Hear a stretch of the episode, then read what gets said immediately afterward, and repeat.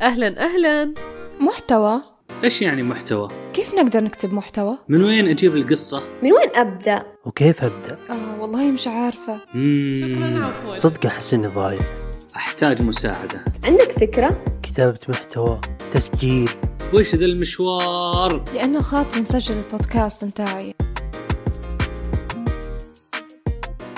أهلا أهلا أصدقائي welcome to season 2 أنا سامية النهدي وأقدم لكم هذا البودكاست من كندا. لما دخلت مجال البودكاست ومشاركة المحتوى على الإنستغرام كنت كثير مستمتعة بموضوع البحث وكتابة الحلقات ترتيب مواضيع لل videos ال reels بوستات الإنستغرام. كانت الحلقات والمواضيع تعيش معي طول اليوم لأني باستمرار أفكر بطريقة معينة وفكرة معينة كيف أصيغها وكيف أربطها مع أفكار ثانية ومن هالكلام أكيد أنه ساعدني كثير تخصصي في التسويق وطبيعة عملي السابق وعملي الحالي في جزء كبير من كتابة المحتوى. غالبا تقارير مكتوبة مقالات محتوى للموقع الإلكتروني أشياء تحتاج ترجمة مطبوعات بوسترات دورات تدريبية باوربوينت ومن هالكلام. بالنهاية الواحد دائما لما يتعود كل ما يتعود أكثر أنه يكتب ويعمل محتوى كل ما كانت صناعة المحتوى بالنسبة له أسهل. لاحظت أنه هذا الموضوع يهم الكثير من الناس. دائما تجيني أسئلة باستمرار عن موضوع الحلقة موضوع المحتوى من وين جبتي الموضوع آه، كيف رتبتي الفكرة كيف عملتي الريل. لهذا السبب قررت أنه الموسم الثاني يكون عن كتابة المحتوى. نجاوب فيه أسئلة زي من وين أبدأ وكيف أبدأ ومن هالكلام. لما أقول كتابة محتوى أقصد الفكرة والبحث وصياغة موضوع. المحتوى ال- الكامل إذا تعبت عليه شوي وعملته بطريقة صحيحة تقدر توظفه وتعيد تشكيله بأكثر من طريقة وراح أشرح لكم كيف. علشان تثبت الأفكار وتكون فعلا يوزفول وتقدرون تطبقونها في كل حلقة راح يكون في مجموعة أجزاء بحيث أنه الواحد فعلا في نهاية الحلقة يقدر يروح يعمل الشيء اللي سمعه. ما راح نتكلم مثاليات I promise. معروف في علم النفس أن التعلم الناتج عن قصة محكية بشكل جيد يتم تذكره بشكل أكثر دقة ولفترة أطول بكثير من التعلم المستمد من الحقائق والأرقام. معنى الكلام أنه رواية القصص وسرد القصص شيء أساسي ومهم جدا في صناعة المحتوى. شخصيا أحب القصص كثير فيها تواصل أكثر وإذا كانت القصة بسيطة وفيها فكرة غالبا تكون جاذبة لجميع أنواع المتلقين باختلاف مستوياتهم. كل واحد يقول قصة الناس راح تسمع له. راح نذكر قصص مختلفة في الحلقات الجاية. القصص قد تكون حقيقية مع ذكر المصدر أو قد تكون قصة من خيالي الواسع.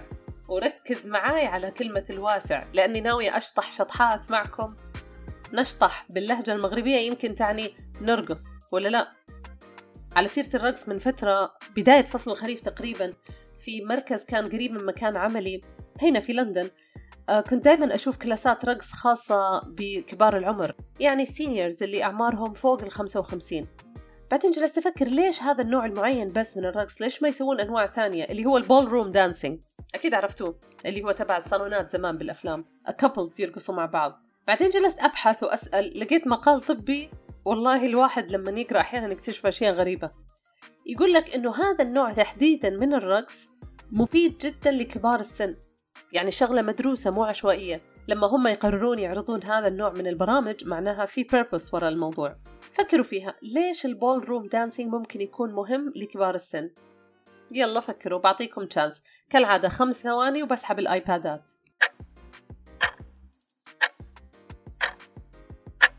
إجابتكم خاطئة طبعا ولا أنتم ذاكرين ولا حافظين المنهج ولا عندكم حس فني. الجواب أعزائي المستمعين راح أقول لكم إياه في نهاية الحلقة. شكرا عفوا.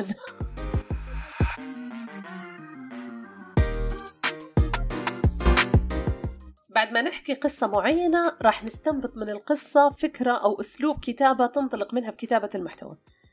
الأسلوب ما راح يكون rocket science ما حيكون شيء جديد خيالي أنت ما عمرك سمعت عنه من قبل. ولكن لما تربطه مع القصة راح تتذكر. بالتالي كل مرة تواجه صعوبات في الكتابة راح تتذكر القصة الفلانية والأسلوب الفلاني. وأكيد راح أشارككم الأدوات وال gears اللي أستخدمها اللي هي البرامج أو طرق البحث أو كلمات مفتاحية خلينا نقول الواحد ممكن يستخدمها ويستفيد منها وهو يرتب المحتوى تبعه. الحلقة هذه بما أنها الحلقة الأولى راح أحكي عن نقطة البداية. موضوعنا عن التحفيز الذاتي. ليش أقول لك تحفيز ذاتي يا صديقي؟ لأنه أولا ما حد فاضي يحفزك طول الوقت. ما في أحد فاضي يكون ديديكيتد 24 ساعة بس يصفق لك ويقول لك wow ويحط لك قلوب ويحط لك لايكات. حتى أهلك وأصحابك وال immediate family members بيتحمسون معك أول أسبوعين ثلاثة وبعدين يا عمي خلاص على كل post نقعد نرفع لك. انتهينا. الشيء الثاني التحفيز الخارجي صدق أو لا تصدق قد يكون محبط. سامية اسمه تحفيز. كيف يعني محبط؟ أنا أقول لك. تذكرون بالله من عشر سنين جات موضة هو عشر سنين ولا يمكن أكثر من عشر سنين؟ جات موضة التصوير الاحترافي. كل الناس راحوا اشتروا كاميرات. كانون ونيكون وتعلم ومهارات التصوير. اللي كمل كمل. اللي فعلا عنده الحس الفني وحاب إنه يكون مصور كمل وصار الموضوع هذا بالنسبة له كارير ويمكن راح درس وأخذ دورات. لكن اللي شغلة ما كانت له أصلا تحمس في البداية وبعدين تركها. بعد موضوع التصوير جات موضة ال makeup artist للبنات. كل البنات makeup artist. و contour واضرب واطرح و شيء يعني شغل محترفين. وبعدين خلاص. اللي كمل كمل. وفي موجودين الآن makeup artist روعة و professionals ولكن اللي كان كذا في البداية متحمس وبعدين بطل خلاص انتهينا. راحت الموضة. راح الترند الآن ترند التحفيز وصناعة المحتوى. نظام أطلق العنان لمخيلتك وخليك عايم في بحر الغدر. في ناس أكيد أنهم موهوبين gifted باستمرار عندهم القدرة على التجدد والكتابة والإبداع. هم أساسا خلقوا ليشاركوا خبرتهم ومعرفتهم مع الناس حتى في الحياة العادية بعيدا عن ال social media. بين أهلهم بين أصحابهم خلاص تعرف لما يكون عندك أحد go to أي شيء عندك روح اسأل فلان أي شيء ملخبط في أمورك روح اسأل فلان. هو يعرف هو يعرف ويحب يساعد مو بس يعرف ونحس. ويكون عندهم مهارة الكونسلينج يعرف يسألك أسئلة يطلع أروع ما عندك. هذا لو أنت واحد منهم أقول لك كمل. نعم أنت صانع محتوى وراح تنجح إذا استمريت. الشغلة صحيح صعبة وتاخذ وقت لكن you have what it takes. عندك الأساس. وفي ناس أكيد الشغلة مو شغلتهم ومهما حاولوا ما راح يمشي الحال. أو خلينا نقول راح ياخذ الموضوع معهم مجهود أكبر من غيرهم علشان نكون منصفين لأنه ما في موهبة إبداعية ولا في شغف. نجاح اللي عنده موهبة راح يكون أسرع. إذا كنت من المجموعة الأولى اللي تحس إنه فعلا عندك الرغبة في مشاركة المحتوى وعندك نوعا ما المقومات والمزاج يا جماعة المزاج حطوا عليها مليون خط. ركز على موضوع المزاج لأنه مفتري. طيب لازم تعود نفسك على التحفيز الذاتي. التحفيز الخارجي أحيانا ممكن يعمل لك تشويش لما تشوف الناس تعمل مقارنات وتتوتر ترفع سقف توقعاتك لنفسك وتشعر إنك you're not good enough. تبدأ الأفكار السوداء تجيك وتسيطر عليك و ها تفضلوا فهمتوا قصدي. اللي مو عارفين قصة الباب روحوا اسمعوا الحلقة العاشرة من الموسم الأول. هذه ضيفة عزيزة وغالية تعمل لفة على صناع المحتوى. بس لها مواعيد معينة ما تجي دائما يعني تجي قبل النشر وخاصة في الليالي اللي يكتمل فيها البدر. ترتز لك كذا من الشباك تطلع لك. فروحوا شوفوا قصتها في الحلقة العاشرة. كيف أحفز نفسي ذاتيا؟ أنا مو محتاج أحد وعارف إنه ما حد راح يحفزني. كيف أحفز نفسي ذاتيا؟ أوكي. حكاية اعمل لنفسك خطة والتزم فيها واصحى بدري واركض الساعة خمسة زي المجانين. كلام سليم موجود لكن هل راح نسويه؟ أنا ما راح أسويه ما أعرف إذا أنتم راح تسوونه good luck. أتمنى لكم السعادة والهنا. ولو سويتوه السؤال الأهم هل راح تلتزمون فيه؟ إيش أسهل شيء ممكن نعتمده علشان يعطينا تحفيز ذاتي ومستمر؟ والشيء هذا لازم يكون سهل وما فيه يعني صعوبات. جوابك وحلك عند تيريزا. تيريزا أمابيل من جامعة هارفرد يا جماعة اتصلت علي. وتسلم عليكم واحد واحد. وقالت يا سامية قولي لهم لا يوجد كذا بالفصحى لا يوجد شيء أكثر تحفيزا من التقدم. راقب التقدم الذي تحرزه واحتفل به. يا سلام يا تريز.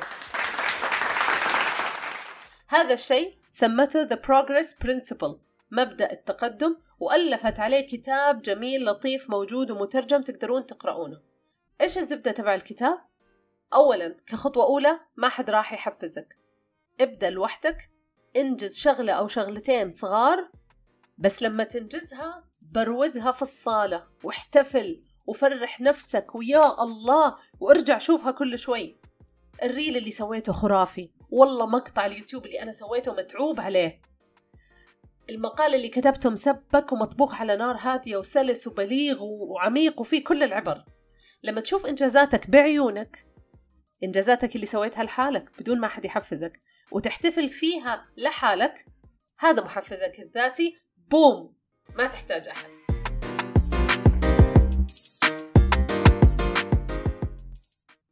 بعد ما يجيك التحفيز الذاتي هذا تبدأ تنجز شيء أكبر وتعطي نفسك نجمة ثانية وتشتغل أكبر ويجيك فيدباك أكبر والناس تبدأ تسمع لك وتبدأ تصفق لك وتبدأ تحبك وتبدأ تتابعك وتنتظرك وينك يا فلان؟ We are waiting.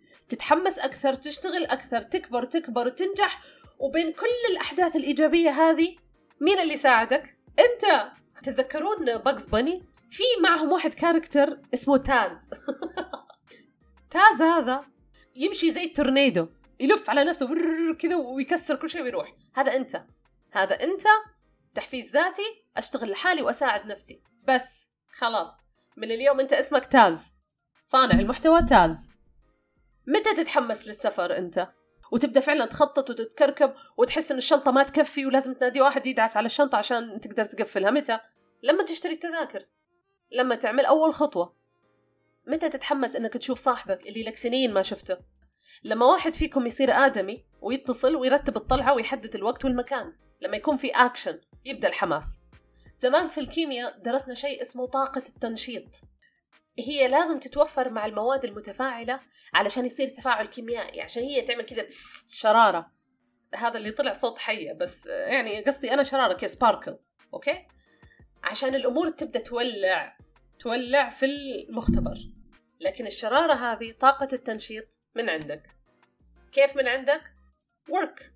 سوي شغلة واحدة وانشرها. وبكرة شغلة ثانية وانشرها. وبعد شغلة ثالثة بس وانت تنشر يعني جيب فرقة حسب الله حولك. وعلى فكرة العكس صحيح يا جماعة. من بين كل الأمور السلبية اللي في الحياة عدم الإنتاجية هو أكبر مثبط للعزيمة. الفيلسوف الأمريكي رالف إميرسون قال الرحلة هي الوجهة. The journey is the destination. حاول التركيز على الشيء اللي أنت تسويه الآن. لا تركز دائما على هدفك لأنه هدفك النهائي حتوصل له. لكن أنت إذا ما ركزت ولا استمتعت بالشيء اللي تسويه الآن أكيد ما راح توصل لهناك. أفضل طريقة لكتابة المحتوى هي الجلوس وكتابة المحتوى. الله يا سامي على المعلومة الجديدة. لا المعلومة الجديدة إنك لما تكتب المحتوى احتفل بإنجازك البسيط علشان يعطيك حافز تسوي إنجاز أحسن منه وأكبر منه. وإذا ما تعرف كيف تحتفل روح سجل في أي معهد قريب منك تبع رقص لأنه الرقص مفيد لكبار السن. والآن بقول لكم ليش. من فترة قريت إنه كبار السن اللي عندهم مشاكل في التوازن ومخاوف في الحركة أبلغوا الدكاترة إنه صار عندهم خوف أقل من السقوط بعد ممارستهم لل ballroom dancing. لأنه لما يكونون ماسكين بعض ويعملون خطوات معينة ومدروسة مع الموسيقى ما صار يفكر بالسقوط ما صار يفكر بخطواته إنها ممكن تكون خطرة وبالتالي ممكن يسقط. فالرقص هذا كثير فادهم من هالناحية. في معهد ماكماستر للأبحاث في الشيخوخة أفاد أن كبار السن اللي عندهم مخاوف في الحركة أو مشاكل في التوازن أو حتى علامات مبكرة لفقدان الذاكرة أبلغوا عن خوف أقل من السقوط بعد ممارستهم لهذا الرقص. وهذا الكلام وفقا لدراسة دورية عملتها الجورنال of Aging and Physical Activity. وبس. تخاف تطيح؟ أرقص. التيك هوم تيبس من حلقة اليوم شغلتين. واحد القصة مهمة جدا ومفيدة في إثراء المحتوى. تعلم كيف تروي قصص وشوف كيف التأثير راح يكون إيجابي على متلقين المحتوى اللي أنت تعمله. اثنين أهم شيء يساعدك على التحفيز الذاتي هو التقدم والإنجاز. ادعم نفسك ولا تنتظر الدعم من الآخرين. وشكرا. أتمنى تكون الحلقة هذه عجبتكم وزي ما أقول لكم دايما تابعوا الحساب وخلونا نصير أصحاب. See you next time. بودكاست من كندا.